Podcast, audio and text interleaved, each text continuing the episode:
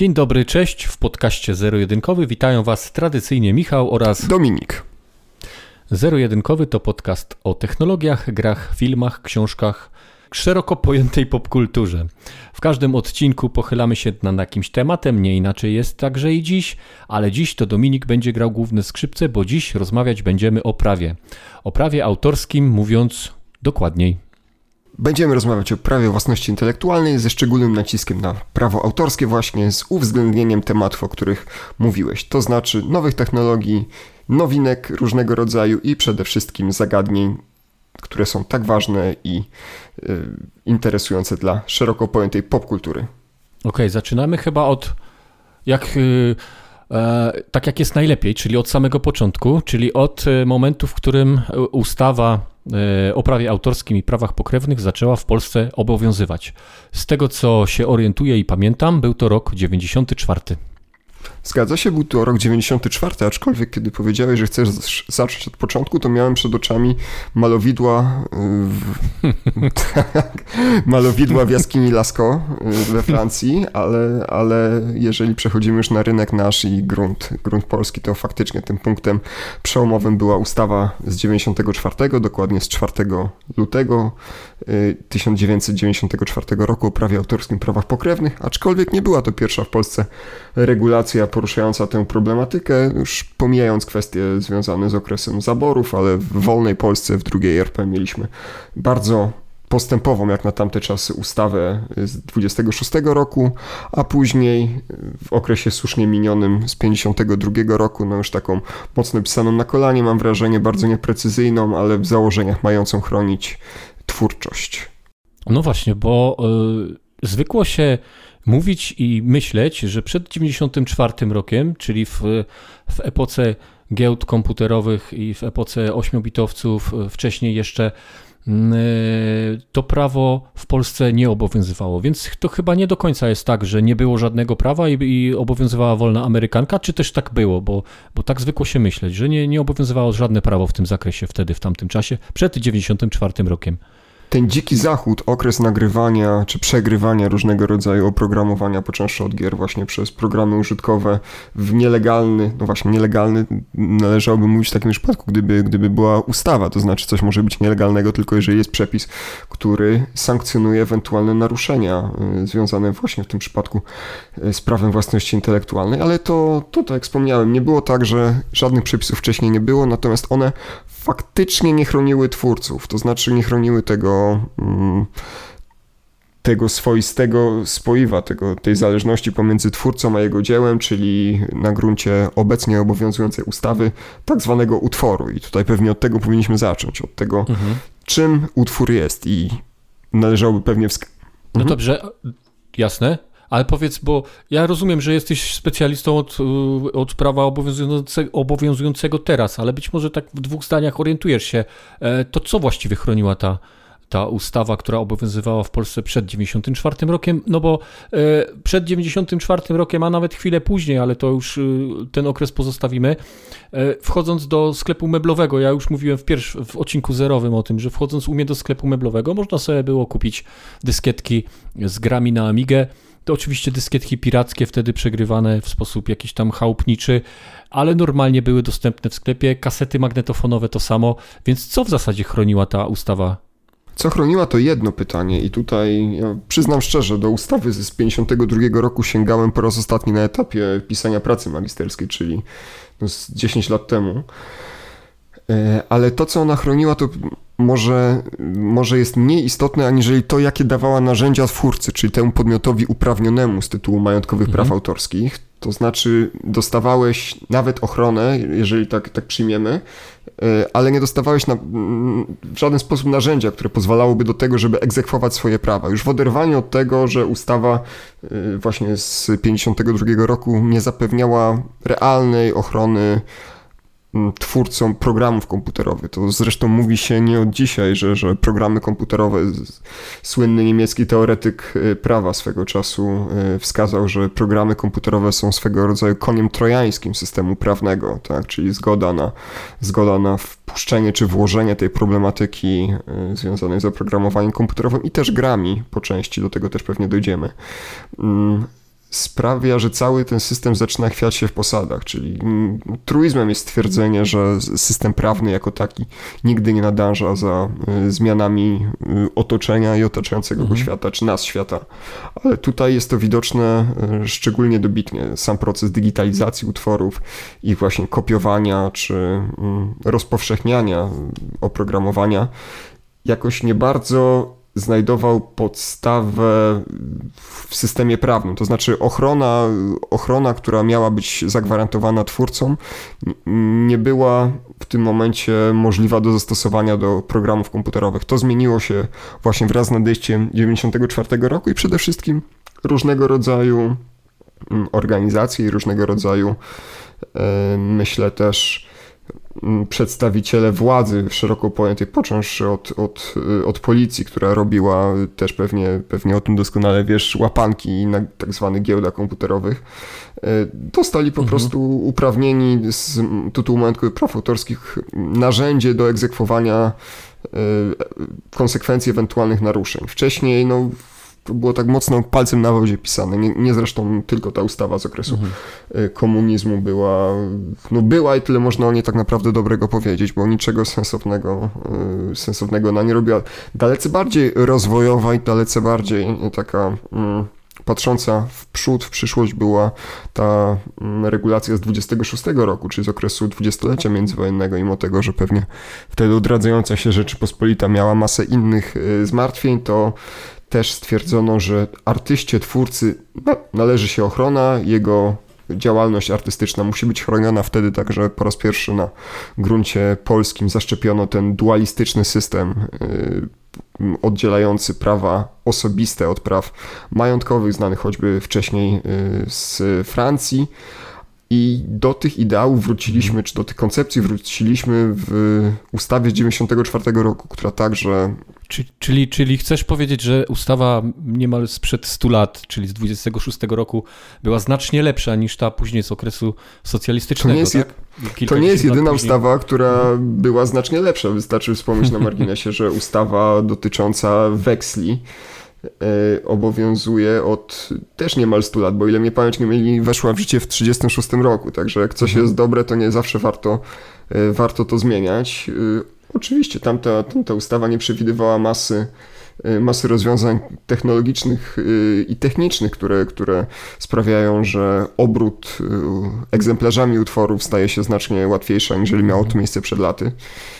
Więc tak, myślę, że łatwiej doszukiwać się zależności pomiędzy ustawą z 94 roku i ustawą z 26, aniżeli tą obecnie obowiązującą Rozumiem. i y, poprzednią z 52. Rozumiem. Czyli reasumując tak na mój chłopski rozum, e, y, rozum człowieka, który nie jest tak bardzo obeznany z prawem, to przed 94 rokiem e, było jakieś prawo, które e, chroniło jakąś tam twórczość, e, ale nie dawało tym twórcom niejako żadnych narzędzi, narzędzi do, do tak. ochrony tego, a co więcej, nie chroniło to w żaden sposób programów komputerowych, tak? Bo nie było takiego w ogóle pojęcia wtedy. Musimy też pamiętać, że ta ustawa z okresu komunizmu była ściśle powiązana z innymi przepisami związanymi z cenzurą. To już wchodzimy na odrębną, Jasne. Y, odrębną gałąź, tak naprawdę odrębne zagadnienie, ale bardzo istotne było to, żeby chronić to, co stanowi własność państwową, albo co dla państwa może być istotne. Natomiast ta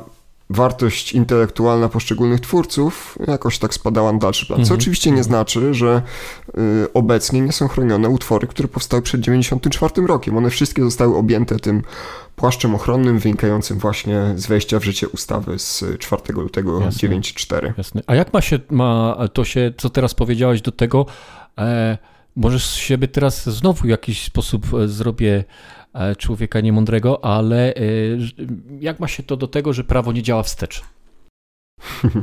Prawo nie działa wstecz, to znaczy nie możesz odpowiadać w tym przypadku za ewentualne naruszenia, które weszły, które mhm. zaistniały przed 94 rokiem.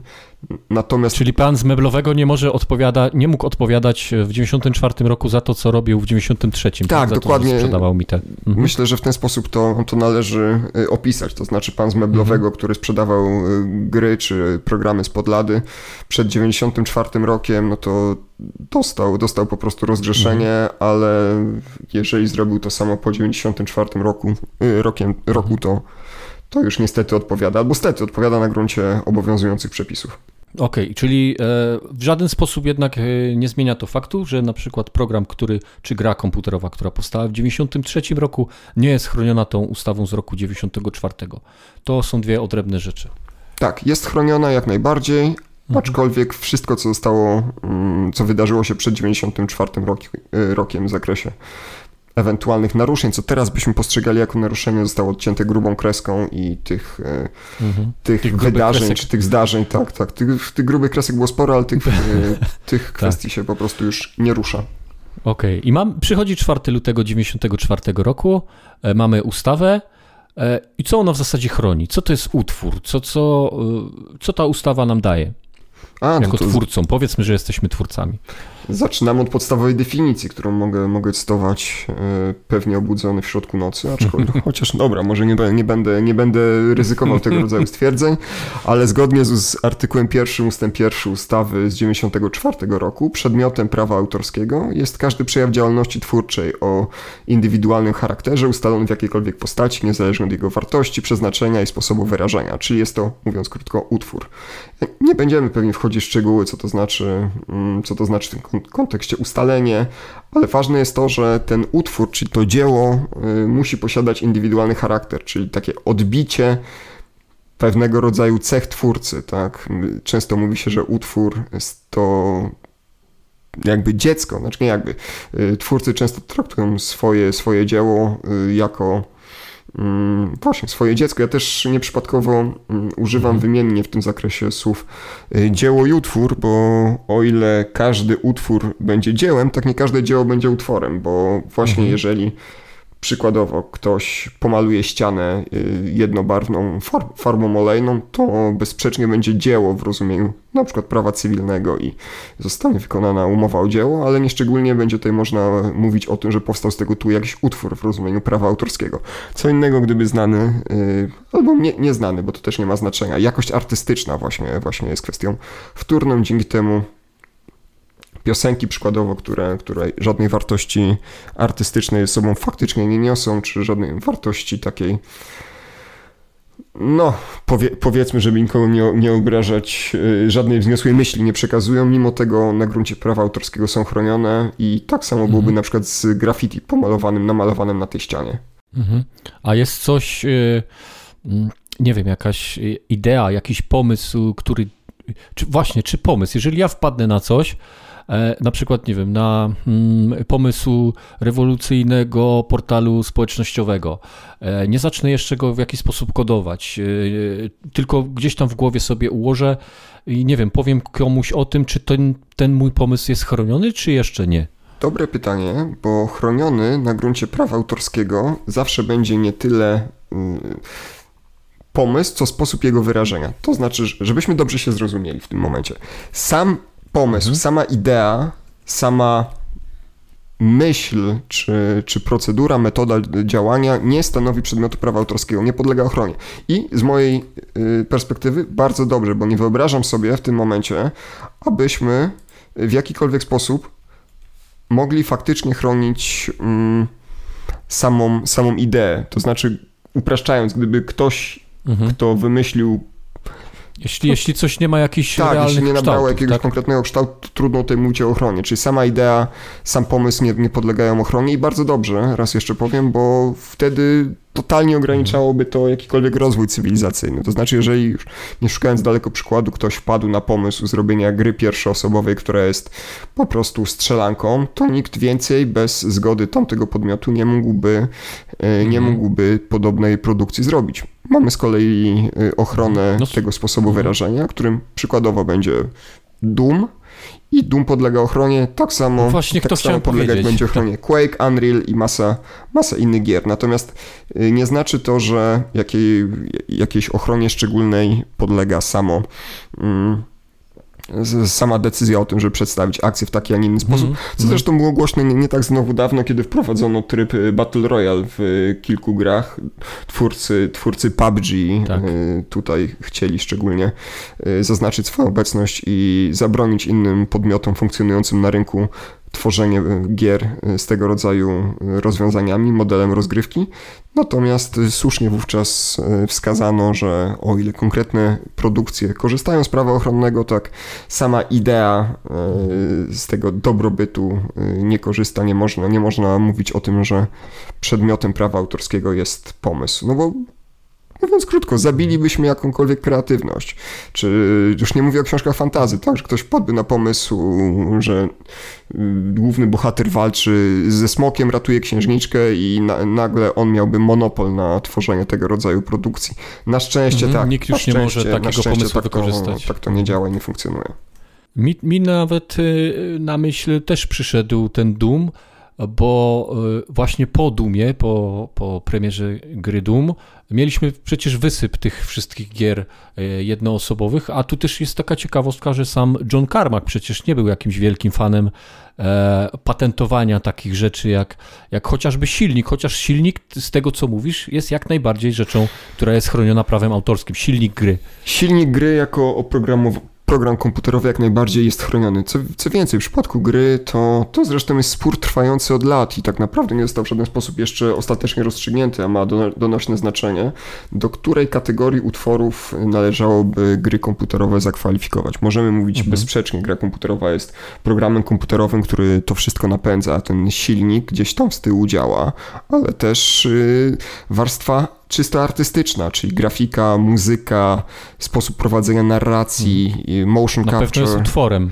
Na pewno jest utworem, to bezsprzecznie, tylko, tylko pytanie o, o to, jak ją zakwalifikować, a ma to y, znaczenie donośne o tyle, że poszczególne kategorie czy typy utworów korzystają y, z odrębnych regulacji w zakresie choćby okresu ochronnego, y, albo tego, komu należne są prawa do oprogramowania w przypadku utworów mhm. pracowniczych i tak dalej. Tutaj y, pewnie moglibyśmy długo na ten temat rozmawiać, natomiast y, faktem jest, że nie ma w tym momencie jednoznacznego stanowiska mm, co do tego, jak należy interpretować grę komputerową, czy jako utwór multimedialny, który też nie jest zdefiniowany w ustawie, czyli yy, z którym niewątpliwie związane jest pojęcie utworu audiowizualnego, którego śladów już faktycznie w tej naszej ustawie yy, mo można szukać. To nie jest zresztą problematyka tylko polska, bo, bo pamiętam jeszcze parę lat temu pojawiło się innymi orzeczenie sądu francuskiego, który starał się rozkładać na czynniki pierwsze to jak należy traktować grę komputerową, dochodząc do wniosku, że to jest tak naprawdę zbiór różnego rodzaju utworów.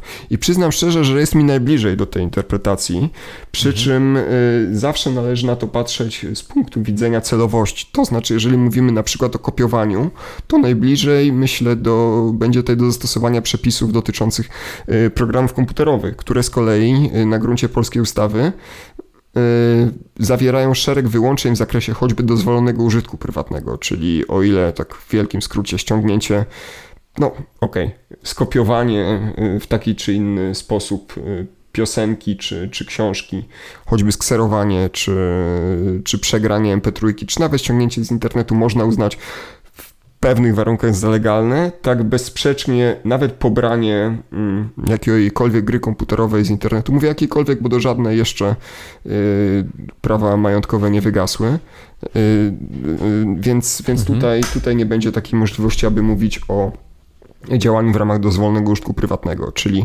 nie można bez zgody twórcy korzystać z y, już rozpowszechnionej gry komputerowej, a można korzystać na przykład z już rozpowszechnionego filmu, książki czy, mm, czy na przykład muzyki.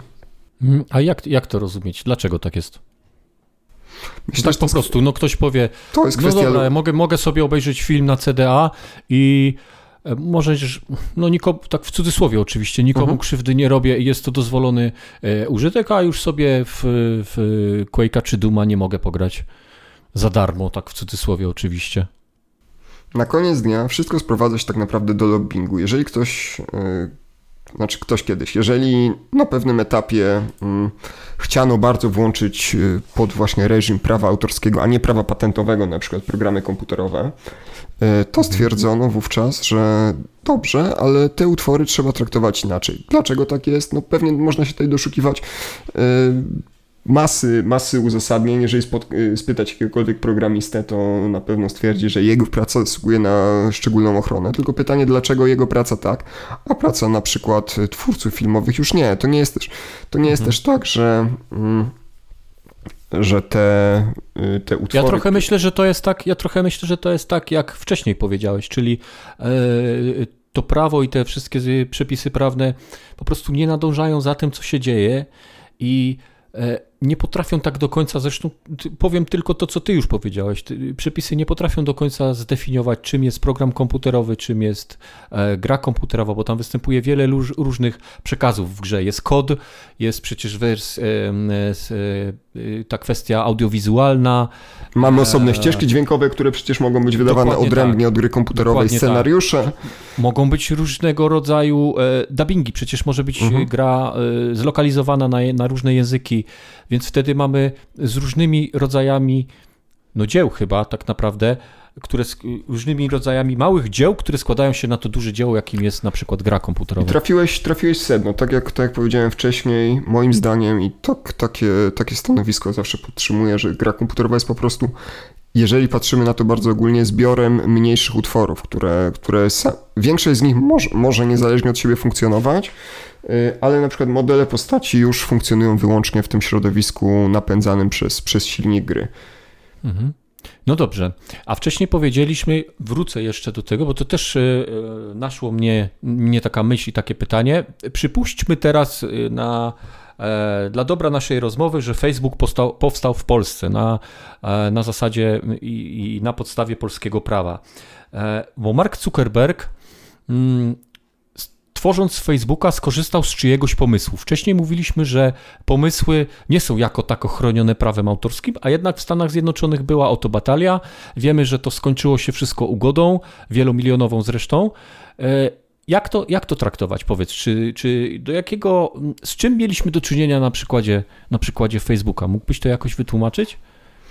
Staje się w przypadku Facebooka, tam była też kwestia mm, praw do mm, projektu, który był realizowany przez, y, wspólnie przez większą liczbę osób, tak, po prostu Zuckerberg na pewnym etapie, przepraszam za kolokwializm, wypiął się na pozostałych członkach tej ekipy i mhm. w tym momencie zaczęły się tarcia, bo, bo zgadzam się, na gruncie prawa amerykańskiego jest podobnie. Sama idea na przykład stworzenia portalu społecznościowego jest, e, nie jest przedmiotem prawa autorskiego, nie jest objęta ochroną, ale już e, konkretny sposób, sposób przedstawienia jak najbardziej. Czyli jeżeli ktoś sobie mhm. wymyślił, że tablica będzie wyglądała w taki, a nie inny sposób, można się doszukiwać. To jest zawsze bardzo płynne. To znaczy to, czy mówimy tutaj o plagiacie, czyli naruszeniu majątkowych praw autorskich, czy mówimy o inspiracji. Zresztą to gdzieś było też podwaliną do, tej, do tego tematu, o którym dzisiaj rozmawiamy. Jasne, bo... do tego zmierzam właśnie. Mhm.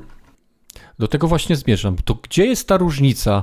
E, jeżeli ja teraz stworzę portal bardzo podobny do Facebooka, albo grę bardzo podobną do Duma, bo przecież e, po Dumie, po premierze gry Doom, bardzo wiele tych gier powstało, pierwszo, pierwszoosobowych strzelanek. Gdzie jest e, ta granica pomiędzy jakąś tam inspiracją, a, a już naruszeniem czyichś praw do danego utworu to musimy tutaj wskazać, że wbrew temu, co wielokrotnie zdarza się czytać w internecie, prawo autorskie nie posługuje się żadnymi sztywnymi granicami. To nie jest tak, jak wielokrotnie można było przeczytać w różnych, różnych miejscach, że 30 sekund muzyki można wykorzystać e, bez zgody mm. uprawnionego. To nie jest też tak, że oprogramowanie ściągnięte to jest hit w ogóle. Po 24, po 24 godzinach dopiero staje się nielegalne, bo przez 24 godziny można, Tego nawet nie można korzystać. Tak, że pamiętam swego bardzo często w kontekście właśnie y, gier pojawiały się informacje, że możesz ściągnąć, ale musisz skasować przed upływem 24 godziny, bo inaczej będzie to, będzie to piractwo. Y, czy choćby tym, że wykorzystanie kilku taktów z piosenki mm, sprawia, że nie mamy już do, do czynienia z legalnym wykorzystaniem, ale mówimy o, o plagiacie, czyli naruszeniu. Nie ma tak naprawdę sztywnej granicy i niestety z jednej strony to jest, to jest piękno prawa autorskiego, a z drugiej niestety przekleństwo, że jeżeli dochodzi do sporu, to, za, to zawsze sąd będzie oceniał, czy mm, mhm. faktycznie już w tym konkretnym przypadku można mówić o naruszeniu, y, czy ta inspiracja poszła za daleko, czy to jest po prostu zbyt blisko mhm. już y, oryginału tego pierwotnego dzieła. W odrywaniu już też mówię od y, tak zwanej twórczości równoległej, czyli od tego, że, że dwie osoby na dwóch przeciwległych krańcach świata wpadły na podobny albo pomysł. identyczny mhm. pomysł. Tak, co też się oczywiście zdarza, Ale przecież e, zarówno w kinie, jak i w literaturze, jak i też e, w przypadku elektronicznej roz, rozrywki były pewnego rodzaju trendy, tak? Tworzono filmy czy, czy książki o wampirach,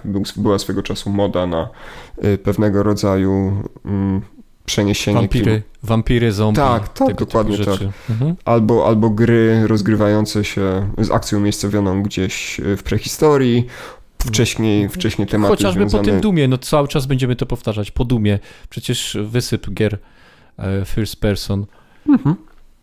Albo Mario, to jest tak jakby Nintendo mogło mm, opatentować, czy mieć ochronę y, dla rozwiązania takiego, że postać, postać w dwuwymiarowym środowisku przechodzi od lewej strony do prawej. Nie, to by zabiło po prostu cały rozwój y, tej, tej technologii. Natomiast jeżeli mielibyśmy grę, w której główny bohater przy okazji byłby jeszcze wąsatym hydraulikiem, znaczy to, że to jest hydraulik, to, to gdzieś tam później się pojawiło, oczywiście nie w pierwszych mhm. grach, natomiast mielibyśmy wąsatą postać, która skakałaby po grzybach y, w takim kolorowym świecie podobnym właśnie do, do serii Super Mario, to już należałoby doszukiwać się mm, tych podobieństw w szerszej skali. To znaczy, czy ogół, ogólne wrażenie dla przeciętnego odbiorcy jest takie, że jeden utwór pochodzi dru od drugiego, albo że po prostu pochodzi od jednego, mm, jednego twórcy.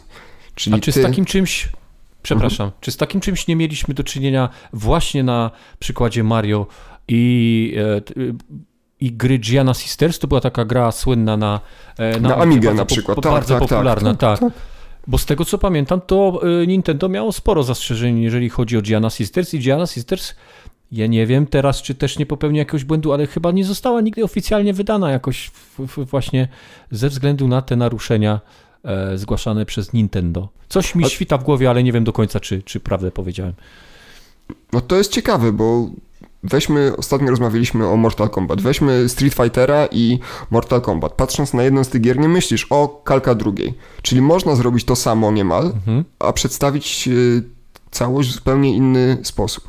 Tak samo było mhm. właśnie z Gianna Sisters i e, Mario. Czy gdzieś pojawił się zgrzyt co do tego, czy mówimy jeszcze o inspiracji, pewnego rodzaju hołdzie, tak, jak też tego rodzaju yy, gdzieś wiadomości słyszałem, że to ma, ma, być hołd dla produkcji Nintendo, czy też już tutaj należałoby raczej mówić o plagiacie.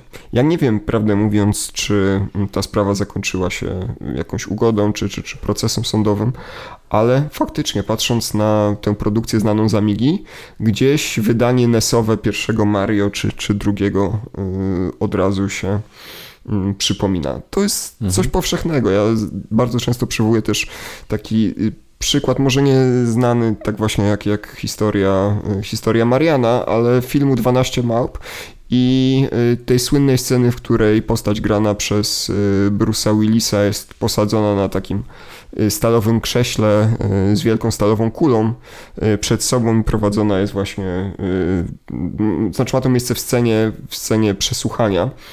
I okazało się po jakimś czasie, że mm, sam projekt krzesła został ściągnięty z ilustracji zrobionych przez bardzo znanego bardzo znanego architekta i e, właśnie grafika Woodsa, tak, o ile mnie pamięć to. nie myli. Tak, tak, tak Le, Lebeus, Lebeus tak, tak, tak. Mhm. Tam zakończyło się mm, najpierw zawieszeniem możliwości w ogóle emitowania czy, czy, czy no, dystrybucji filmu w amerykańskich kinach, a finalnie podpisano ugodę. Jest, przynajmniej nie, nie jest dana kwota, na którą mhm. E, strony się umówiły, ale, ale przyjmuję, że to była kwota z sześcioma zerami. Więc no faktycznie. Właśnie, ale to ten... był tylko fragment filmu. To był tylko fragment filmu, który wykorzystał gdzieś, e, można powiedzieć, inspirację, to tak wielkim też. E, wielkim y, cudzysłowie, a a doszło gdzieś do tych naruszeń, bo skoro doszło do ugody, to znaczy, że obie strony doszły do porozumienia. To znaczy, że twórcy. Że do jakiejś. Do tak, to znaczy, że twórcy filmu doszło. mieli coś za uszami. I bardzo podobny przypadek miał miejsce w ostatnich dniach. Ja wczoraj y, właśnie skończyłem najnowszą odsłonę y, serii Resident Evil Village. Bardzo polecam, ale przez mhm. internet przetoczyła się parę dni temu dyskusja na temat tego, że jeden y, z bossów, jeden z przeciwników w tej, w tej grze jest bliźniaczo podobny do postaci przedstawionej w filmie z 2000 bodaj 2013 roku. E, mam tutaj na myśli właśnie postać jednego z przeciwników, który wygląda jak człowiek, tylko że w miejscu głowy mam wielkie śmigło, yy, Mhm, żywcem przeniesione, przeniesione z jakiegoś, jakiegoś pojazdu latającego i faktycznie wracamy do pytania podstawowego, czy to już jest plagiat, czy jeszcze można mówić o inspiracji? Nie No ma tak naprawdę tym- jed- jednej odpowiedzi, to jest zawsze bardzo cenne i też y, to przyczynienie się, tak, bo rozmawiamy o tym, że w przypadku 12 małp y, doszło do ugody, mm, zapłacono jakąś kwotę tytułem właśnie y, świadczenia pewnego rodzaju wynagrodzenia dla twórcy dzieła pierwotnego. No i zaczynamy przeciąganie liny. To znaczy, jeżeli nawet doszło do naruszenia, to jaka jest szkoda z tego tytułu, tak? To mówiąc inaczej, czy na przykład twórcy filmu 12 małp zarobiliby mniej, gdyby tego elementu nie było, jaki, Jasne. jaki mieli po prostu zysk związany z tym, że, e, że Jasne. wykorzystali takie, a nie inne rozwiązanie. Jasne. Temat jest jeszcze- ciekawy, tutaj można rzucać masą przykładów, e, wystarczy No właśnie spojrzeć, przyszły ja mi jestem... na myśl, przyszły mi Mhm. na myśl dwa Dawaj. przykłady. Pamiętam e, i to teraz już, e, znowu zostajemy przy filmach, ale bardziej e, teraz o plakatach filmowych sobie powiemy, bo przyszło mi na myśl e, dwie rzeczy.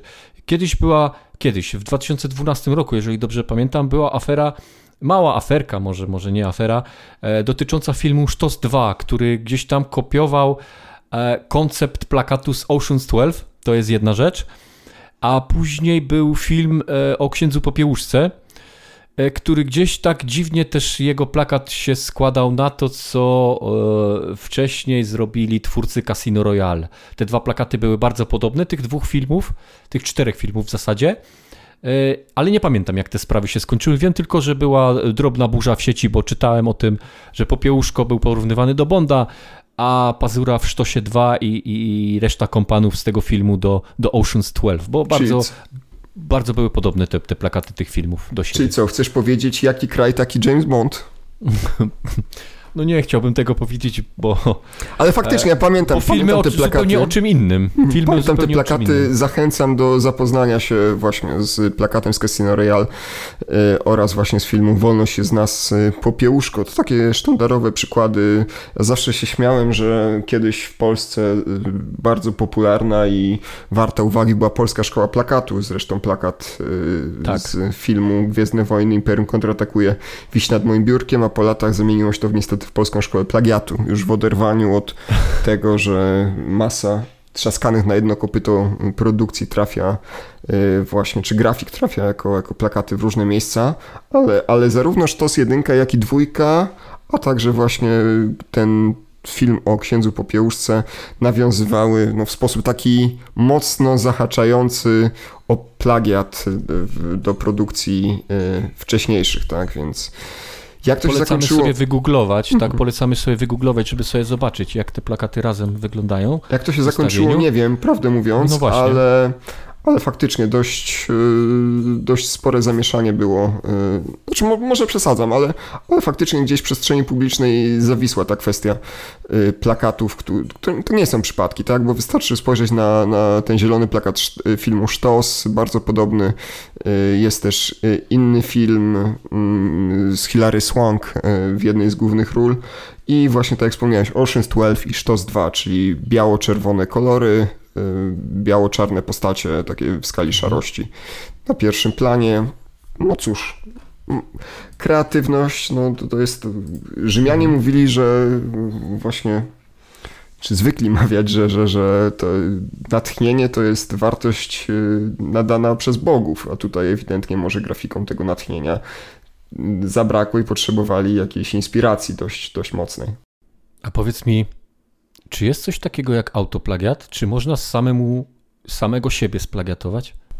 Można to zrobić i to może czasem mieć bardzo negatywne konsekwencje, bo y, trzeba wiedzieć y, i trzeba zaznaczyć, że osoby, które zawodowo zajmują się tworzeniem utworów w rozumieniu prawa autorskiego, czyli są na przykład grafikami czy muzykami, bardzo często zbywają, czyli sprzedają te, w uproszczeniu mówię oczywiście, przenoszą, mówiąc już takim językiem prawniczym, przenoszą majątkowe prawa autorskie na rzecz innych podmiotów, na przykład zamawiającego, który zleca, y, czy zamawia wykonanie określonego, Wiesz co, y, ja określonego taką, utworu. ja miałem z taką sytuacją e, do czynienia, jak pracowałem w telewizji i e, miałem taką umowę, że każdy materiał, który ja wykonam, pomimo tego, że były to moje pomysły, moja praca, moje wykonanie, do pewnego stopnia oczywiście, bo już montaż był, był czyjś, czy mhm. innego kolegi. Ale surówka podlegała to, to wszystko, ochronie, tak. To wszystko przechodziło potem na własnej stacji. To stacja była właścicielem tych, tych praw do tego programu to pewnie były utwory pracownicze, albo miałeś umowę B2B, z której wynikało, że jesteś zobowiązany do przeniesienia majątkowych praw autorskich na, na zamawiającego, czy właśnie na spółkę. Tylko mhm. trzeba myśleć na względzie, że przeniesienie majątkowych praw autorskich jest skuteczne wyłącznie w przypadku zawarcia y, umowy czy sporządzenia protokołu w formie pisemnej, to znaczy mailem, mhm. Y, mailem majątkowych praw autorskich na gruncie prawa polskiego skutecznie przenieść nie można. Potrzebny jest papier, który potwierdzi, że, mm, że faktycznie do no tego Ja to miałem wpisane w umowie. Doszło. Ja to miałem wpisane w umowie, że wszystko to, co zrobię, należy do.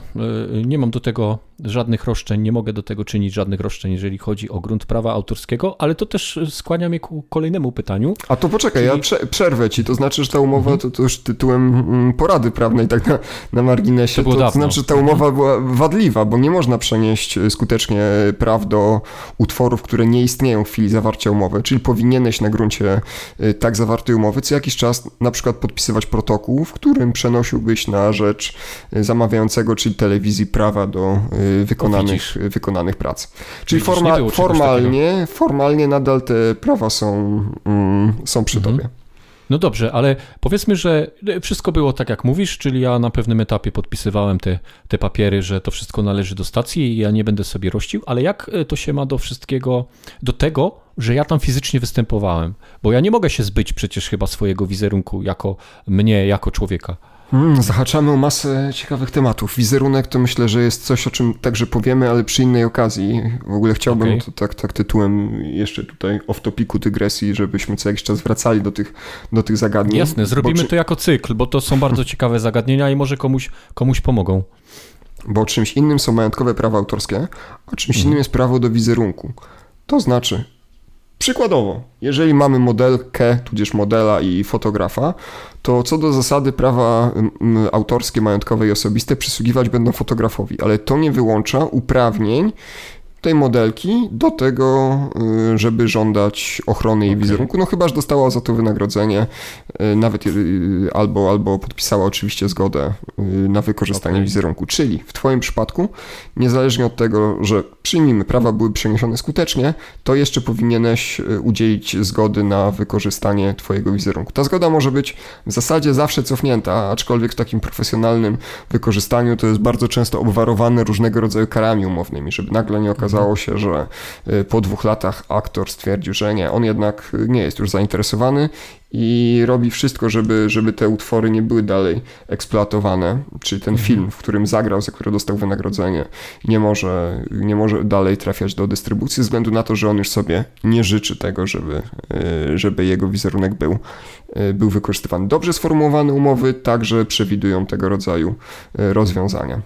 I to przypomniało mi pewną sytuację z filmem czy z cyklem filmów e, Rocky, bo z taką sytuacją dokładnie spotkaliśmy się w, e, w filmach e, w późniejszych spin-offach, czyli w filmach Creed. Creed. Wcze mhm. Wcześniej w Rockim występował Carl Weathers, który grał Apolla w jedynce, dwójce, trójce, w czwórce też przez pewien fragment filmu, bo w czwórce zginął i to chyba nie jest spoiler. Spoiler? To jest fi Halo? film. Na, na ringu. Bo to jest film z 85 roku, więc pewnie wszyscy już... Ale Apollo Creed nie żyje? Jak to? I, I występował Carl Weathers, który później e, bo czytałem o tym, już e, swojego wizerunku nie pozwalał wykorzystywać, e, czyli tak, takich przewitek, takiej retrospekcji w kolejnych filmach. Nie ma go i nie pozwalał się swojej osoby już wykorzystywać swoje postaci wykorzystywać w filmach Creed. Nie wiem, czy słyszałeś o tym i to chyba jest to, o czym przed chwilą powiedziałeś, taka właśnie sytuacja. Tylko żebyśmy dobrze się zrozumieli, on nie pozwolił na wykorzystywanie na przykład w retrospekcjach w piątej części, tak? Gdyby... Tak, tak, tak. Oczywiście mhm. te pier jedynka, dwójka, trójka, czwórka, one mogą cały czas być wykorzystywane, lecieć w różnych telewizjach i tak dalej. Natomiast w nowych utworach, czyli w piątce, e, później w Rocky Balboa z 2006 roku oraz w dwóch częściach Creed'a, on nie występuje nawet w retrospekcjach, e, bo po prostu na to nie, nie wyraził zgody.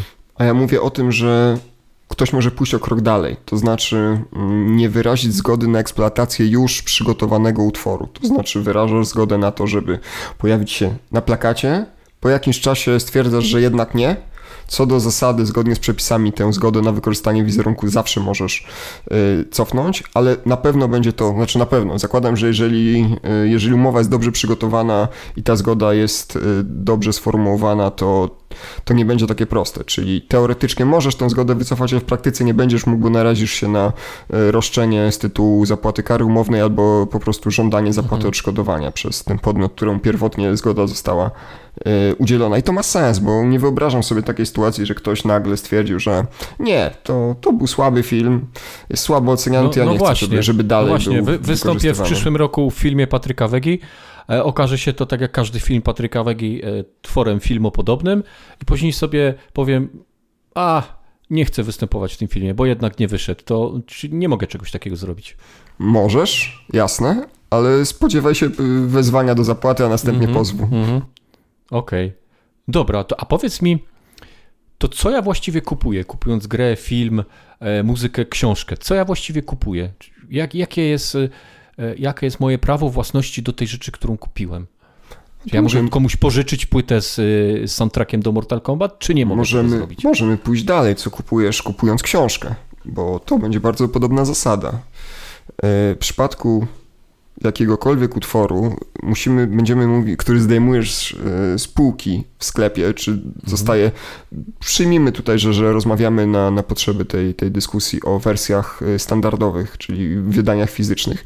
Kupujesz tak. nośnik, na którym jest zarejestrowane dane, dane dzieło, dany utwór. W praktyce będą to pliki pewnie.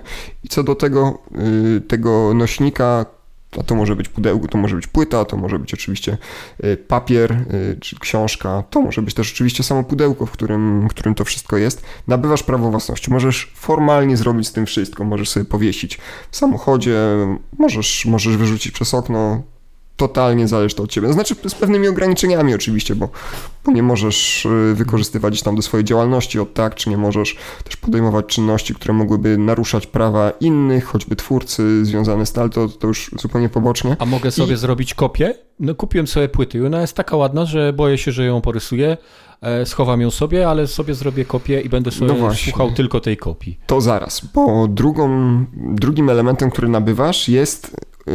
Mhm. prawo do korzystania z utworów. Nie, po, nie podpisujesz formalnie w praktyce umowy licencyjnej, ale faktycznie zawierasz umowę licencyjną do, dotyczącą możliwości eksploatowania konkretnego utworu.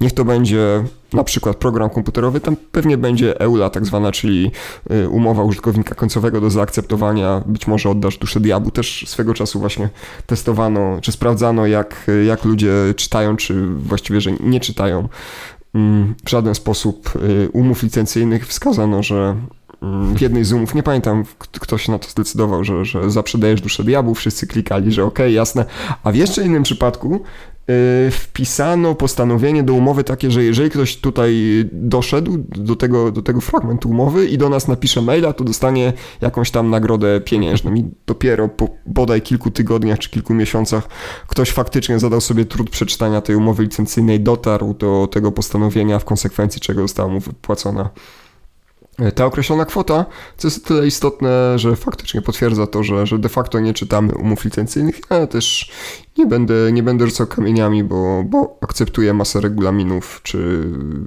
umów licencyjnych rejestrując, znaczy rejestrując, instalując gry czy programy komputerowe, to, mhm. to myślę coś, coś powszechnego. Czyli to zależy od y, umowy po prostu licencyjnej, mhm, tak. tak. Czy mogę to... To znaczy, a odpowiadając, wprost na, odpowiadając mhm. wprost na twoje pytanie, Mówiłem chwilę o dozwolonym użytku prywatnym. Na gruncie prawa polskiego jest to uprawnienie do tego, żebyś mógł korzystać z już rozpowszechnionego utworu, w ramach właśnie takiego swojego domowego wykorzystania, czy możesz to mhm. wypożyczyć, pożyczyć komuś e, z twoich bliskich znajomych, rodziny, czyli na przykład możesz e, pożyczyć ten egzemplarz książki. Co więcej, możesz e, zrobić kserokopię tej książki, ją pożyczyć, ale te przepisy nie, nie obowiązują w kontekście, mm, w kontekście właśnie programów komputerowych i w konsekwencji także gier. To, co możesz z kolei zrobić, to jednokrotna kopia tego nośnika, na którym y, oprogramowanie czy, czy gra zostały zapisane, jako, jako backup, jako kopia zapasowa. W ogóle róbcie backupy. Ja niedawno straciłem zawartość y, swojego dysku twardego w laptopie. Kosztowało mnie to sporo nerwów. Na szczęście udało się y, większą część tych danych odzyskać, ale, ale stresu się sporo najadłem. Także, no, także ludzie polecam. dzielą się na tych, którzy e, robią backupy i na tych, którzy będą je robić. Tak, to prawda, to prawda. Hmm. I Dobra, w konsekwencji ja- tego mają więcej siwych włosów albo, albo jeszcze mniej w ogóle włosów. Tak, tak. Czyli ja sobie mogę puścić e, na domówce, przyjdzie, przyjdzie do mnie e, grupa osób i sobie mogę puścić moją ulubioną e, płytę z muzyką i nie W naruszę w, ramach- ten sposób w żadnych ramach praw. dozwolonego użytku osobistego przyznałbym ci rację. To znaczy powiedziałbym, że możesz, bo zakładam, że znasz tych ludzi, którzy przychodzą. Tutaj wracamy znowu do tych nieostrych stwierdzeń w ustawie o prawie autorskim. Nie, nie tylko zresztą polskiej ustawie, bo konwencja berneńska, której Polska jest stroną, i generalnie też przepisy międzynarodowe y, czy regulacje w różnych, pra- y, różnych systemach prawnych także nie są ostre. W naszym przypadku mówi się, że z dozwolonego użytku prywatnego można korzystać albo osobiście, albo y, w kręgu osób pozostających w stosunku towarzyskim. Tylko Mhm. teraz konia z rzędem temu, kto zdefiniuje, kto jest, e, kto jest tym e, członkiem tego kręgu, a kto nie. Czy, czy kolega e, z uczelni, na przykład, którego spotykam raz w tygodniu, może, może być uznany za taką osobę, czy nie? Czy kumpel z pracy, z którym spędzam więcej czasu niż z, z żoną na przykład, tak czy nie? I tutaj, tutaj zawsze to będzie ocenne. Natomiast na takim, takim wydarzeniu domowym spokojnie. Aczkolwiek, Troszkę do tego gdybyś zmierzam. tak, gdybyś Troszkę na do tego pomysł, zmierzam. gdybyś Mhm. wpadł na pomysł po prostu postawienia Że idę głoś- sobie do knajpy i sobie puszczę w knajpie tą muzykę moją No ulubioną. to, to, to, to już zdecydowanie nie. Tu już wchodzimy też do kwestii związane z organizacjami zbiorowego zarządzania prawami autorskimi, z płatnościami tak zwanych tantiem na rzecz organizacji zbiorowego zarządzania prawami Mhm. autorskimi i tej nieszczęsnej albo szczęsnej, zależy z której perspektywy patrzeć, y, koncepcji, która w ostatnim, y, w ostatnim czasie gdzieś zawisła nad nami, czyli dodatkowego Zatrzymałem się na chwilę, bo chciałem powiedzieć podatku, ale y, To środowiska nie jest twórcze, podatek. To nie jest środowiska podatek. twórcze, dobrze, środowiska twórcze nie mówią o tym per opła- y, przepraszam, opłatek, podatek y, czy danina, pewnego rodzaju opłaty na rzecz twórców z tytułu Tak. sobie zwielokrotniania rzekomo. Kupię sobie papier do ksera i muszę zapłacić artystom, bo mogę sobie przecież na tym Znaczy, za ksero to, wydrukować za, książkę. za to i tak płacisz, bo przez lata w Polsce No funkcjonował Fundusz Promocji Twórczości y, y, i właśnie środki, pewna część wynagrodzenia z tytułu na przykład y, czystych nośników była przeznaczana y, na ten fundusz y, zakopany już obecnie. Y, Właśnie też, czy, czy urządzeń do, do kopiowania, czy, czy kserokopiarek, gdzieś tam założenie było tą, takie, tą, że... tą opłatę reprograficzną może zostawmy sobie, bo zrobimy e, w ciągu tygodnia odcinek krótszy, bo będziemy też e, zero-jedynkowy podcast e, prezentować w krótszej formie, takiej, żeby nie nudziło się naszym słuchaczom pomiędzy odcinkami tymi normalnymi, pełnoprawnymi, które wychodzą co dwa tygodnie. Tego wiesz o tym, wiesz o tym że e, nigdy nie powiedzieliśmy, kiedy będzie następny odcinek, a będziemy wychodzić co dwa tygodnie, to teraz to mówimy. Postaramy się, plus minus 7 dni. Tak, ale pomiędzy, pomiędzy tym będziemy czasem przeplatać to odcinkami krótszymi. Chcielibyśmy, żeby taki krótszy, krótszy odcinek um, nagrać niedługo i, i powiedzieć o tej nieszczęsnej e, repro, reprograficznej, tak? Ona się nazywa, ustawa. No tak by chcieli, żeby się nazywała, opłata. Mhm. Tak. A ja chcia, chciałbym jeszcze poruszyć temat, bo ty powiedziałeś o konwencji berneńskiej i ja tak troszkę sobie śmiechłem e, wewnętrznie, bo pamiętam jak wszyscy wstawiali na Facebooka e, zdjęcia swoje i twierdząc, że zgodnie z konwencją berneńską Mój nie wyrażam Boże. zgody, żeby, żeby Facebook korzystał z moich zdjęć i tak dalej, i tak To dalej. będzie, to jest to będzie pokłosie straszne, też, tak, to będzie straszne, co powiem, ale moi znajomi po fachu, radcowie prawni albo adwokaci, także, wklejali? także wrzucali takie, takie Matko łańcuszki. Ja tylko łapałem się za głowę, bo... No to jest e, pokłosie tego, że nikt nie czyta tych, y, tych regulaminów, tak? Gdzieś y, um, Znaczy, dołączaliśmy przede- do przede Facebooka wsz- i nikt nie przeczytał na jakich zasadach. Przede wszystkim wrócę do tego, o czym mówiłem, to znaczy nikt nie może przenieść skutecznie majątkowych praw autorskich do zdjęć czy materiałów, które zamieszczamy na Facebooku czy jakimkolwiek innym portalu społecznościowym, zakładając, że one spełniają te warunki Mhm. uznania ich za utwór, yy, skutecznie poprzez akceptację jakiegoś regulaminu. Tutaj niezbędna jest forma pisemna, Dlatego to, co robimy, to udzielamy po prostu niewyłącznej licencji na wykorzystywanie tych materiałów, mhm. bo inaczej by być nie mogło.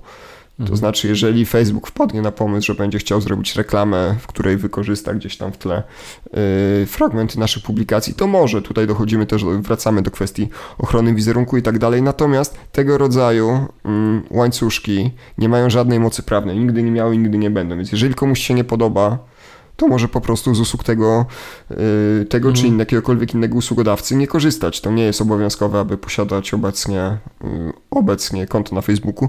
No chyba, że chce się korzystać y, z headsetu VR Oculus Quest, to wtedy trzeba faktycznie konto na, na Facebooku założyć, ale to, to szczególny przypadek. Natomiast, natomiast nie, no to nie jest tak, że nagle te zdjęcia przechodzą na własność mm, Facebooka absolutnie takiej, mm, takiej opcji nie ma i nigdy, nigdy nie było. No, to jest takie niezrozumienie tematu. Niestety. A ile to... Okay. Mhm. Ile to wszystko trwa? Napiszę książkę e, i ona jest od, od momentu. No właśnie, od którego momentu ona jest chroniona? Od momentu napisania pierwszego słowa, od momentu pierwszego rozdziału, czy całej książki, czy wydania, czy, czy, czy czego? Weźmy no, książkę. Mhm. Na, przykład. na początku było słowo, więc zaczniemy od słowa, tak?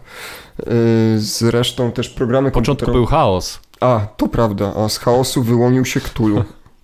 A nie, albo coś, coś jest... Nieważne, dobrze, to... to Ale w każdym razie Grysława pozdrawiamy. Tak.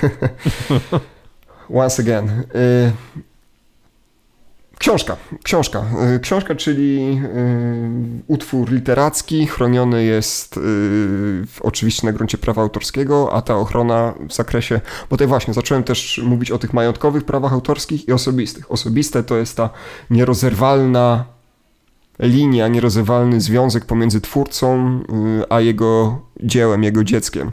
Czyli to, że ty jako autor możesz zdecydować o tym, jak książka zostanie wydana, kiedy, czy podpiszesz ją swoim nazwiskiem, pseudonimem, czy też zdecydujesz się na publikację anonimową, y, to jak będzie wykorzystywana później, czy udzielisz komuś y, praw do mm, eksploatacji na innym gruncie. Mhm. Błagam, nie zaczynajmy kwestii związanej y, z CD Projektem i Andrzejem Sapkowskim. Chciałem to powiedzieć. nie, to są, to są bardzo dobre książki na podstawie gier, ale to w tym momencie, w tym momencie zostawmy ten, ten... Dobrze powiedziałem, tak? Tak, oczywiście. Tak, tak, jednym, tak. jednym słowem, pan Sapkowski nie mógł przekazać e, wszelkich praw dotyczących swoich książek, swoich postaci, e, które umieścił w Wiedźminie CD Projektowi. To jest niemożliwe po prostu, tak? Zostawmy naprawdę ten temat, bo, bo, bo uśmiecham się szeroko, czego wy Dobra. nie widzicie, to jest, to jest zupełnie odrębna, odrębna kwestia i w prawdę mówiąc, nie taka nomen omen zero-jedynkowa, jak mogłoby się wydawać. To jest bardziej, mhm. bardziej złożona kwestia. Ja oczywiście śmieję się, że to, to są książki na podstawie, na podstawie gier, bo bardzo cenię sobie twórczość um, pana Andrzeja Sapkowskiego, a też y, jestem... A wiesz, że tak dużo ludzi tak uważa.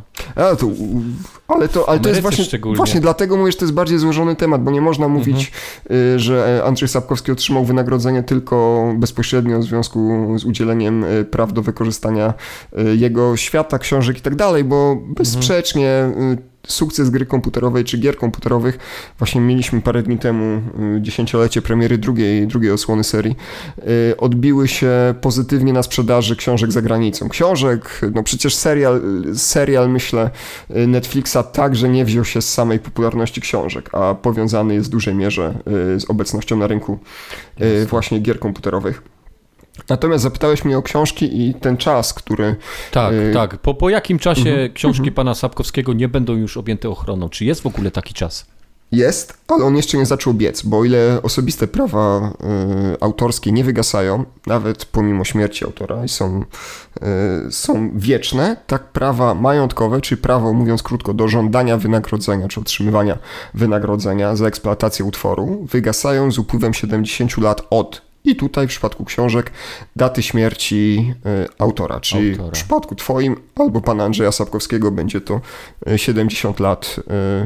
Okay. To znaczy ten okres jeszcze, jeszcze nie zaczął biec, ale zaczął biec w, 50 roku, czy od 51 roku, bo to liczymy zawsze od no, nowego, nowego roku kolejnego, mhm. 1 stycznia kolejnego roku kalendarzowego dla George'a Orwella. To znaczy George Orwell zmarł w styczniu 50 roku i w 2001, 2021 roku oczywiście te utwory, czyli na przykład rok 1984 trafiły do tak zwanej domeny publicznej, czyli w wielkim skrócie można z nich korzystać bez konieczności uiszczania dodatkowego wynagrodzenia na rzecz uprawnionego czy jego następców prawnych. Z tego też względu y, bardzo dużo ostatnio było publikacji zahaczających o tematy wspomnianego przeze mnie Cthulhu, bo właśnie Lovecraft także z, y, prawa do, do twórczości Lovecrafta trafiły do domeny publicznej. Myślę, że też y, tutaj można wymieniać sporo innych mm, Innych przykładów ciekawym jest na przykład, ciekawym będzie, będzie e,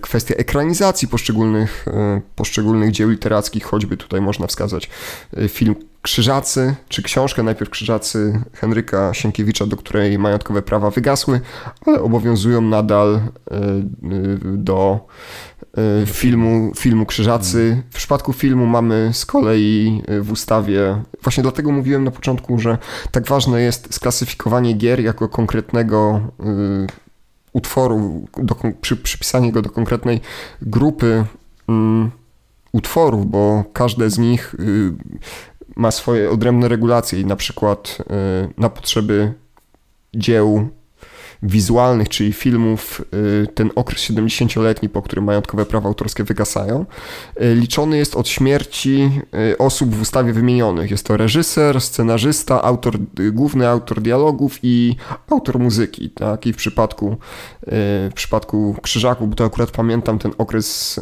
biegnie od 2011 roku, gdyż ostatnia z tych osób, pan Jerzy Stawiński, czyli scenarzysta, zmarł w 2010 roku, czyli czas start i 1 stycznia 2081 roku, już 2081 roku będzie można dowolnie niemal korzystać e, z tej wersji, mhm. znaczy z tej ekranizacji. I z tego także względu, mając na uwadze czas, który musi upłynąć od określonego zdarzenia. W przypadku oprogramowania to może być, znaczy najczęściej to będzie, e, jeżeli mówimy o takim, takim utworze złożonym, stanowiącym efekt pracy większej liczby osób, to będzie moment pierwszej publikacji, rozpowszechnienia, ten 70-letni okres i w przypadku mhm. gier, większość, myślę też wszystkich programów, popraw mnie jeżeli się mylę, to on jeszcze nie, yy, nie upłynął. To znaczy, no nie, programy pewnie jakieś by się znalazły jeszcze z lat 50. Jakieś, no może nie komputerowe, ale zarządzające maszynami, które, które, co do których prawa mogłyby mhm. wygasnąć, natomiast, mhm. natomiast y, bezsprzecznie w kontekście gier komputerowych nie ma, nie ma jeszcze takich utworów, które trafiłyby do domeny publicznej. Wbrew temu, co też można w internecie przeczytać, instytucja Abandonware to jest coś, co stworzono, no, żeby jakoś dokładnie, sobie... Dokładnie, dokładnie to chciałem żeby sobie, żeby sobie radzić z tymi oprogramowaniami, tymi, tymi grami, no głównie czy tym oprogramowaniem. Ale to dojdziemy, dobra? Dojdziemy mhm. za to, o to mhm. za, za dwie minuty, bo jeszcze jedno pytanie. Czyli podsumowując, 70 lat po twojej śmierci jeszcze twoi spadkobiercy będą mogli korzystać z dobrodziejstw związanych z tym, że napisałeś mhm. epokowe dzieło. I po tych 70 latach mówisz, wygasa to. Czyli co ja mogę zrobić? Co ja mogę dzisiaj zrobić na przykład z książką Mein Kampf? Spalić? No tak, to, to by się należało, bo to jest straszna. E, miałem okazję grafomania. czytać. Miałem, miałem straszna grafomania. Liceum. Jest, tak. To jest strasznie źle napisana książka, woderwana tak, już od Tak, to jest grafomania. Idei, to... Ale co ja, mogę, co ja mogę z tym zrobić? Powiedzmy, że albo z jakąkolwiek inną książką, mhm. no, której autor nie żyje już od więcej niż 70 lat. Co ja mogę z tym zrobić? Będziesz mógł wydać tę książkę. Będziesz mógł mhm. zaadoptować ją na potrzeby ekranizacji, przykładowo, albo gry, w ogóle jakiejkolwiek nowej adaptacji. E, I nie ponosić z tego tytułu. Mówię w wielkim skrócie, bo są przepisy szczególne, które przewidują właśnie, że na, na pewnego rodzaju organizację należy w takim przypadku uiścić opłatę, mhm ale Czyli generalnie. Mogę zrobić grę na podstawie krzyżaków Henryka Sienkiewicza? Możesz zrobić grę na zacząć? podstawie krzyżaków e, Henryka Sienkiewicza, ale niekoniecznie na podstawie ekranizacji, czyli mógłbyś. Nie pamiętam, może ty jesteś w stanie po powiedzieć, ale to, to jeszcze pewnie nie wygasło, nie wygasły prawa, bo zacząłem się zastanawiać nad, nad Tolkienem, czy Tolkienem, tak, który nie, zmarł dopiero e, w latach 70., bo jestem pewien, że że, że, że właśnie po upływie 70 lat od mhm. śmierci twórcy Władcy Pierścieni to będzie masa produkcji nawiązujących właśnie do tego świata. Ten zresztą okres 70-letni gdzieś tam pokrywa się w różnych krajach. W niektórych jest odrobinę dłuższy, w niektórych odrobinę krótszy, ale tym punktem wyjścia jest właśnie 7 dekad. Postuluje się coraz częściej, że w przypadku programowania to powinien być czas krótszy, ale, ale nadal trzymamy się tego, tych, tych właśnie wytycznych. No i dochodzimy teraz do tego oprogramowania, bo ja jestem, tak się też y, szczęśliwie składa, fanem retro, mam sporo retro komputerów. Y, no ale do tych retro komputerów, do Amigi, do C64, do różnego rodzaju komputerów Atari, y, no siłą rzeczy nie ma już, nie jest wydawane to oprogramowanie na, na, to, na te komputery. Te, to oprogramowanie, które mieliśmy kiedyś oryginalne, nawet jeśli mieliśmy takie, takie oryginalne oprogramowanie, ono dzisiaj już y, może nie działać w wielu, wielu przypadkach. Mhm. I spotkałem się o tym, co przed chwilą powiedziałeś. Spotkałem się z takim y, y, z taką określeniem abandonware, czyli oprogramowania, które rzekomo straciło już, mówiąc w, o wielkim cudzysłowie, oczywiście ważność. Czyli ja mogę sobie dzisiaj skopiować, takie oczywiście twierdzenia czytałem w internecie, a nie wierzcie we wszystko, co jest w internecie napisane. To tak na marginesie, że ja mogę sobie dzisiaj skopiować Sensible Soccer, grę tam z, z lat 90., bo nikt już do niej nie rości praw. To nie do końca chyba jest prawda. Nie ma Akurat... chyba czegoś takiego jak to abandonware. Akurat twórca y, Sensible Soccer jest postacią powszechnie znaną i lubianą, nawet bywał w Polsce parę razy. Zgadza się. Y, na, na wydarzeniach pod szyldem Pixel Heaven. Natomiast tak, to prawda, y, prawo autorskie nie posługuje się terminem abandonware. Najbliżej temu będzie tak zwane, tak zwane dzieło, utwór osierocony. Natomiast, czyli utwór, co do którego trudno jest ustalić osobę czy podmiot będący uprawnionym z praw autorskich, czyli mhm. mówiąc krótko, ciężko ustalić, kto jest twórcą. Tu najlepszym przykładem będą tutaj zdjęcia z okresu wojny, czy, czy nie tylko zawieruchy wojennej, ale tego okresu późniejszego, mhm. Y, bo mimo tego, że majątkowe prawa autorskie wygasły, to nadal należy wskazać autora tego, tego zdjęcia, a już sięgając, idąc dalej, czyli mówiąc o oprogramowaniu komputerowym, o którym wspomniałeś, tak naprawdę niemal zawsze będziemy w stanie jakoś dojść do tego, tego twórcy, więc to jest pewnego mhm. rodzaju wymówka, y, że okej, okay, ściągam z internetu, nikt nie ściga z tego tytułu, ale to mhm. nie znaczy, że jest to legalne. To, to jest kwestia tego, że jeżeli nawet uznalibyśmy jakiś Y, programy komputerowe, bo oczywiście masa tych y, spółek, które, czy przedsiębiorców, którzy tworzyli na przestrzeni tych kilku dekad y, gry komputerowe już dzisiaj na rynku nie ma, oni zostali przekształceni, zlikwidowani, ktoś być może te prawa nabył, być może w pomrokach dziejów gdzieś zaginęły, ale zawsze pewnie do jakichś twórców można dojść. I tutaj właśnie pojawia się kwestia tych utworów osieroconych, czyli takich, w przypadku których na pierwszy rzut oka może się wydać, iż nie mamy mhm. Y, osoby uprawnionej, nie mamy tego dysponenta y, prawami majątkowymi, ale to my musimy udowodnić, zanim będziemy mogli rozpowszechniać czy wykorzystywać tego rodzaju utwór, że przeprowadziliśmy y, wszystkie niezbędne zabiegi które zmierzają do tego, aby, aby jednak znaleźć taką osobę, czyli przeprowadzamy testy, szukamy w różnego rodzaju archiwach. Jest cała procedura y, przewidziana w ustawie o, o prawie autorskim prawach pokrewnych dotycząca tego, co należy zrobić, żeby dzieło mogło być faktycznie, faktycznie uznane za, y, za utwór osierocony. Wymaga to też y, aktywności ze strony Ministerstwa Kultury i Dziedzictwa Narodowego, które prowadzi odrębny rejestr tego rodzaju utworów. No i co? No i Mhm. I fajnie to brzmi na papierze jako usprawiedliwienie ściągania romów z internetu na przykład. Dokładnie. Ale, dokładnie. ale w praktyce. Ale w praktyce nie jest to legalne. To, tak, w praktyce staje się to mocno problematyczne, żeby nie powiedzieć nielegalne. Ja też nie lubię. Ja też nie lubię mówienia o tym, że piractwo jest kradzieżą, bo to bo ty zawsze mnie wyprzedzasz, zawsze mnie wyprzedzasz, bo teraz chciałem powiedzieć, ty mnie wyprzedzasz, a ja ci potem przerywam, e, bo chciałem teraz powiedzieć, bo zawsze w przypadku tych, e, tej dyskusji o abandonware, pomimo tego, że czegoś takiego nie ma, e, czy to o kopiowaniu właśnie gier sprzed 30 czy nawet 40 lat na 8-bitowce, zawsze pojawi się ktoś, kto mówi, że to jest kradzież. I zawsze pojawia się też adwersarz, który mówi, że nic takiego nie jest kradzieżą, bo te gry już nie są wydawane, nikt na tym nie traci, a nawet w przypadku nowych dzieł, jak gry komputerowe czy filmy, które w kinach się pojawiają, e, to są takie głosy, że okej, okay, ja ten film zobaczyłem na CDA, ale nikt na tym nie traci, bo ja bym i tak nie poszedł do kina. To jest to kradzież, czy to nie jest kradzież? Ja znam masę ludzi, którzy są przekonani, że skoro płacą za CDA, to te no materiały, no tak, które tam no znajdują, tak. są legalne. Ba, jeżeli płacę za. No to już chyba coraz rzadziej na szczęście takie głosy słychać, że jeżeli ja płacę za internet miesiąc miesiąc, za Neostradę albo y, w TPS-a płacę za połączenie y, jeszcze modemowe, no to przecież to wszystko, co jest w internecie, to jest moje, tak? Bo, bo mam do tego prawo, zapłaciłem. No i o co chodzi?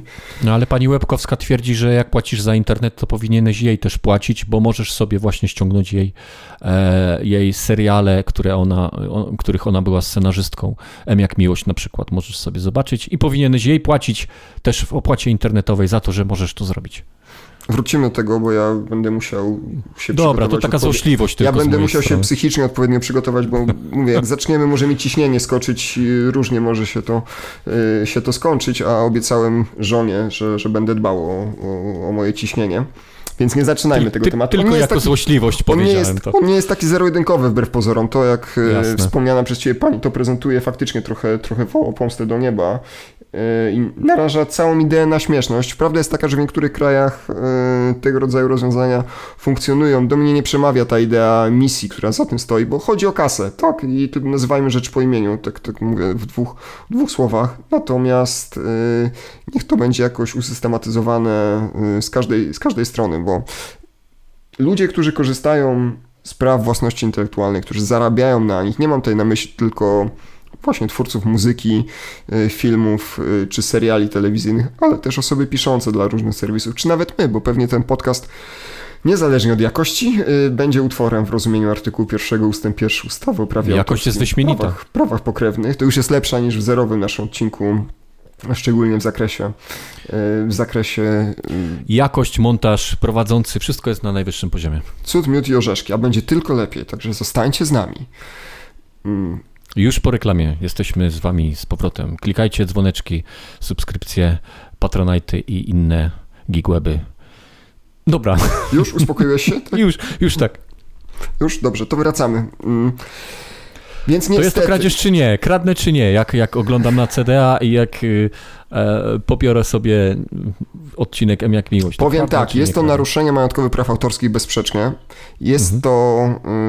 Y, no okej, okay, użyjmy tego określenia. Piractwo komputerowe, mm, ale dla mnie, ja, ja nie stawiam znaku równości pomiędzy tym a, a kradzieżą, tak, no bo często, często słychać e, takie, takie głosy, że to jest równoznaczne z kradzieżą samochodu. No nie jest, jest to jednak, ja interpretuję w rozumieniu prawnym troszkę inaczej, to oczywiście będzie to bez bezprawne rozpowszechnienie, eksploatacja i tak dalej są przepisy zarówno y, na gruncie ustawy o prawie autorskim, y, jak i w związku też y, z prawem karnym związane. To znaczy inaczej będzie traktowana osoba, która na własny użytek powiedzmy korzysta z tych nielegalnych kopii, bez nielegalnych, czy bez wykorzystywanych bez zgody, bez zgody twórcy, a inaczej jeśli zrobi sobie ktoś z tego po prostu źródło zarobkowania, albo o, też kolejny ciekawy temat, streamowanie y, na lewo różnego rodzaju wydarzeń sportowych z pominięciem formatu pay-per-view, co, co zdarza mhm. się nagminnie. Y,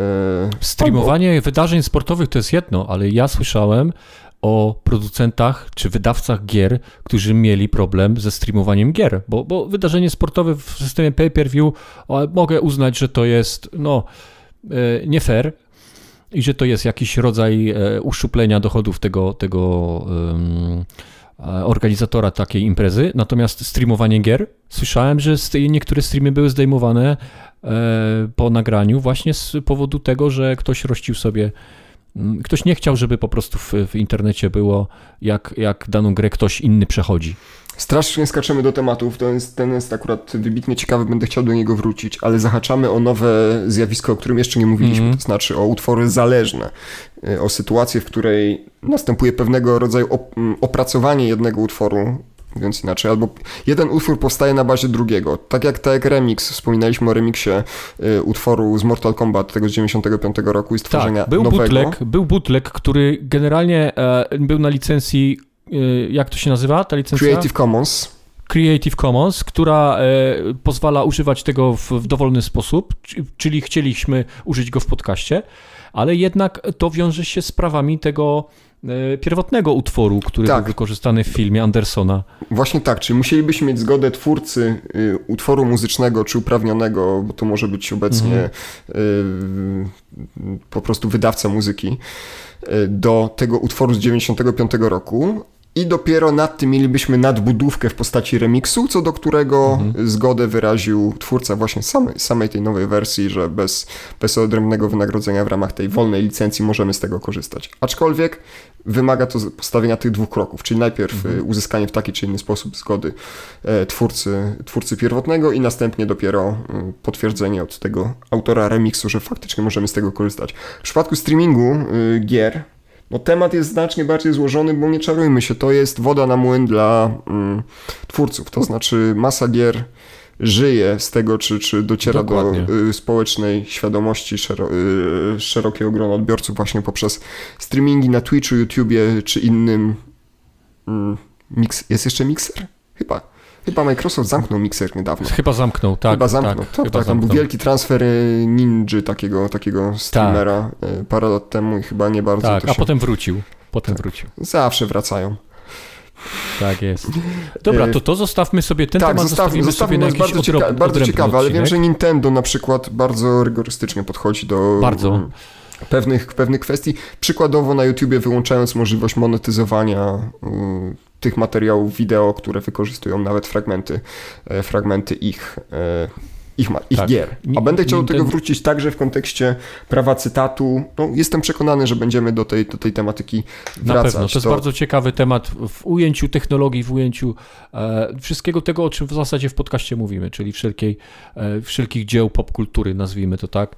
E, bardzo ciekawy temat, mnie bardzo interesuje, bo a chyba e, wiele osób powinno to, te, tego posłuchać, żeby wiedzieć, jak w tym całym gąszczu utworów, ale jednocześnie przepisów się poruszać. To prawda, jest masa Rozmawiamy zaga- już... Mhm. Przepraszam cię, znowu wchodzę w zdanie. Okej, to, to skończę myśl. Jest masa zagadnień, które warto poruszyć, począwszy od y, kwestii możliwości zakupu y, gier, które wypadły gdzieś tam z bagażnika ciężarówki, czyli te klucze z drugiego obiegu, kupowanie wersji OM-owych, odsprzedawanie dostępu do kont, masa, naprawdę masa tematów. Ja chciałbym, żeby to nasze dzisiejsze spotkanie było tak naprawdę tylko pewnego rodzaju zarysowaniem Tak. zagadnień, o których będziemy rozmawiać, bo my skakaliśmy z tematu na, na temat jak, jak z kwiatka na kwiatek, nie zgłębiając y, większości z nich i na pewno będziemy do nich jeszcze, jeszcze nie raz i nie, nie dwa razy wracać. Ale to chyba moja wina, bo zawsze jak coś mówisz, to mi przychodzi już y, do głowy trzy rzeczy, o które chciałbym zapytać, a one właśnie są potem z jakiejś takiej szerszej, szerszej perspektywy. Do dobra, powiemy o tym, bo rozmawiamy już ponad godzinę, umówiliśmy się, że nasze odcinki będą godzinne. Pozostawimy to sobie na kolejne odcinki, bo będzie to taki cykl y, związany z y, prawem autorskim, tak, tak to nazwijmy sobie. A na koniec mi powiedz, tak jako zachętę do, ogląda do oglądania, do słuchania dalszych naszych odcinków. Czy klucze, które są na Allegro, gdzie ja mogę sobie kupić za 8 zł Windowsa albo Office'a, mogę to zrobić, czy nie mogę tego robić? To zależy. Zapraszamy za dwa tygodnie. Jasne. Dobra. W takim razie dziękujemy Wam za wysłuchanie naszego podcastu. Pojawi się kolejny odcinek za dwa tygodnie. Będziemy w ogóle pojawiać się za dwa tygodnie, a w międzyczasie postaramy się, żeby wyszedł e, zero-jedynkowy shot, czyli krótsza wersja naszego podcastu. Za dzisiejszy odcinek serdecznie Wam dziękujemy. Zapraszamy na kolejne. Do usłyszenia. Cześć. Dzięki, do usłyszenia. Hej.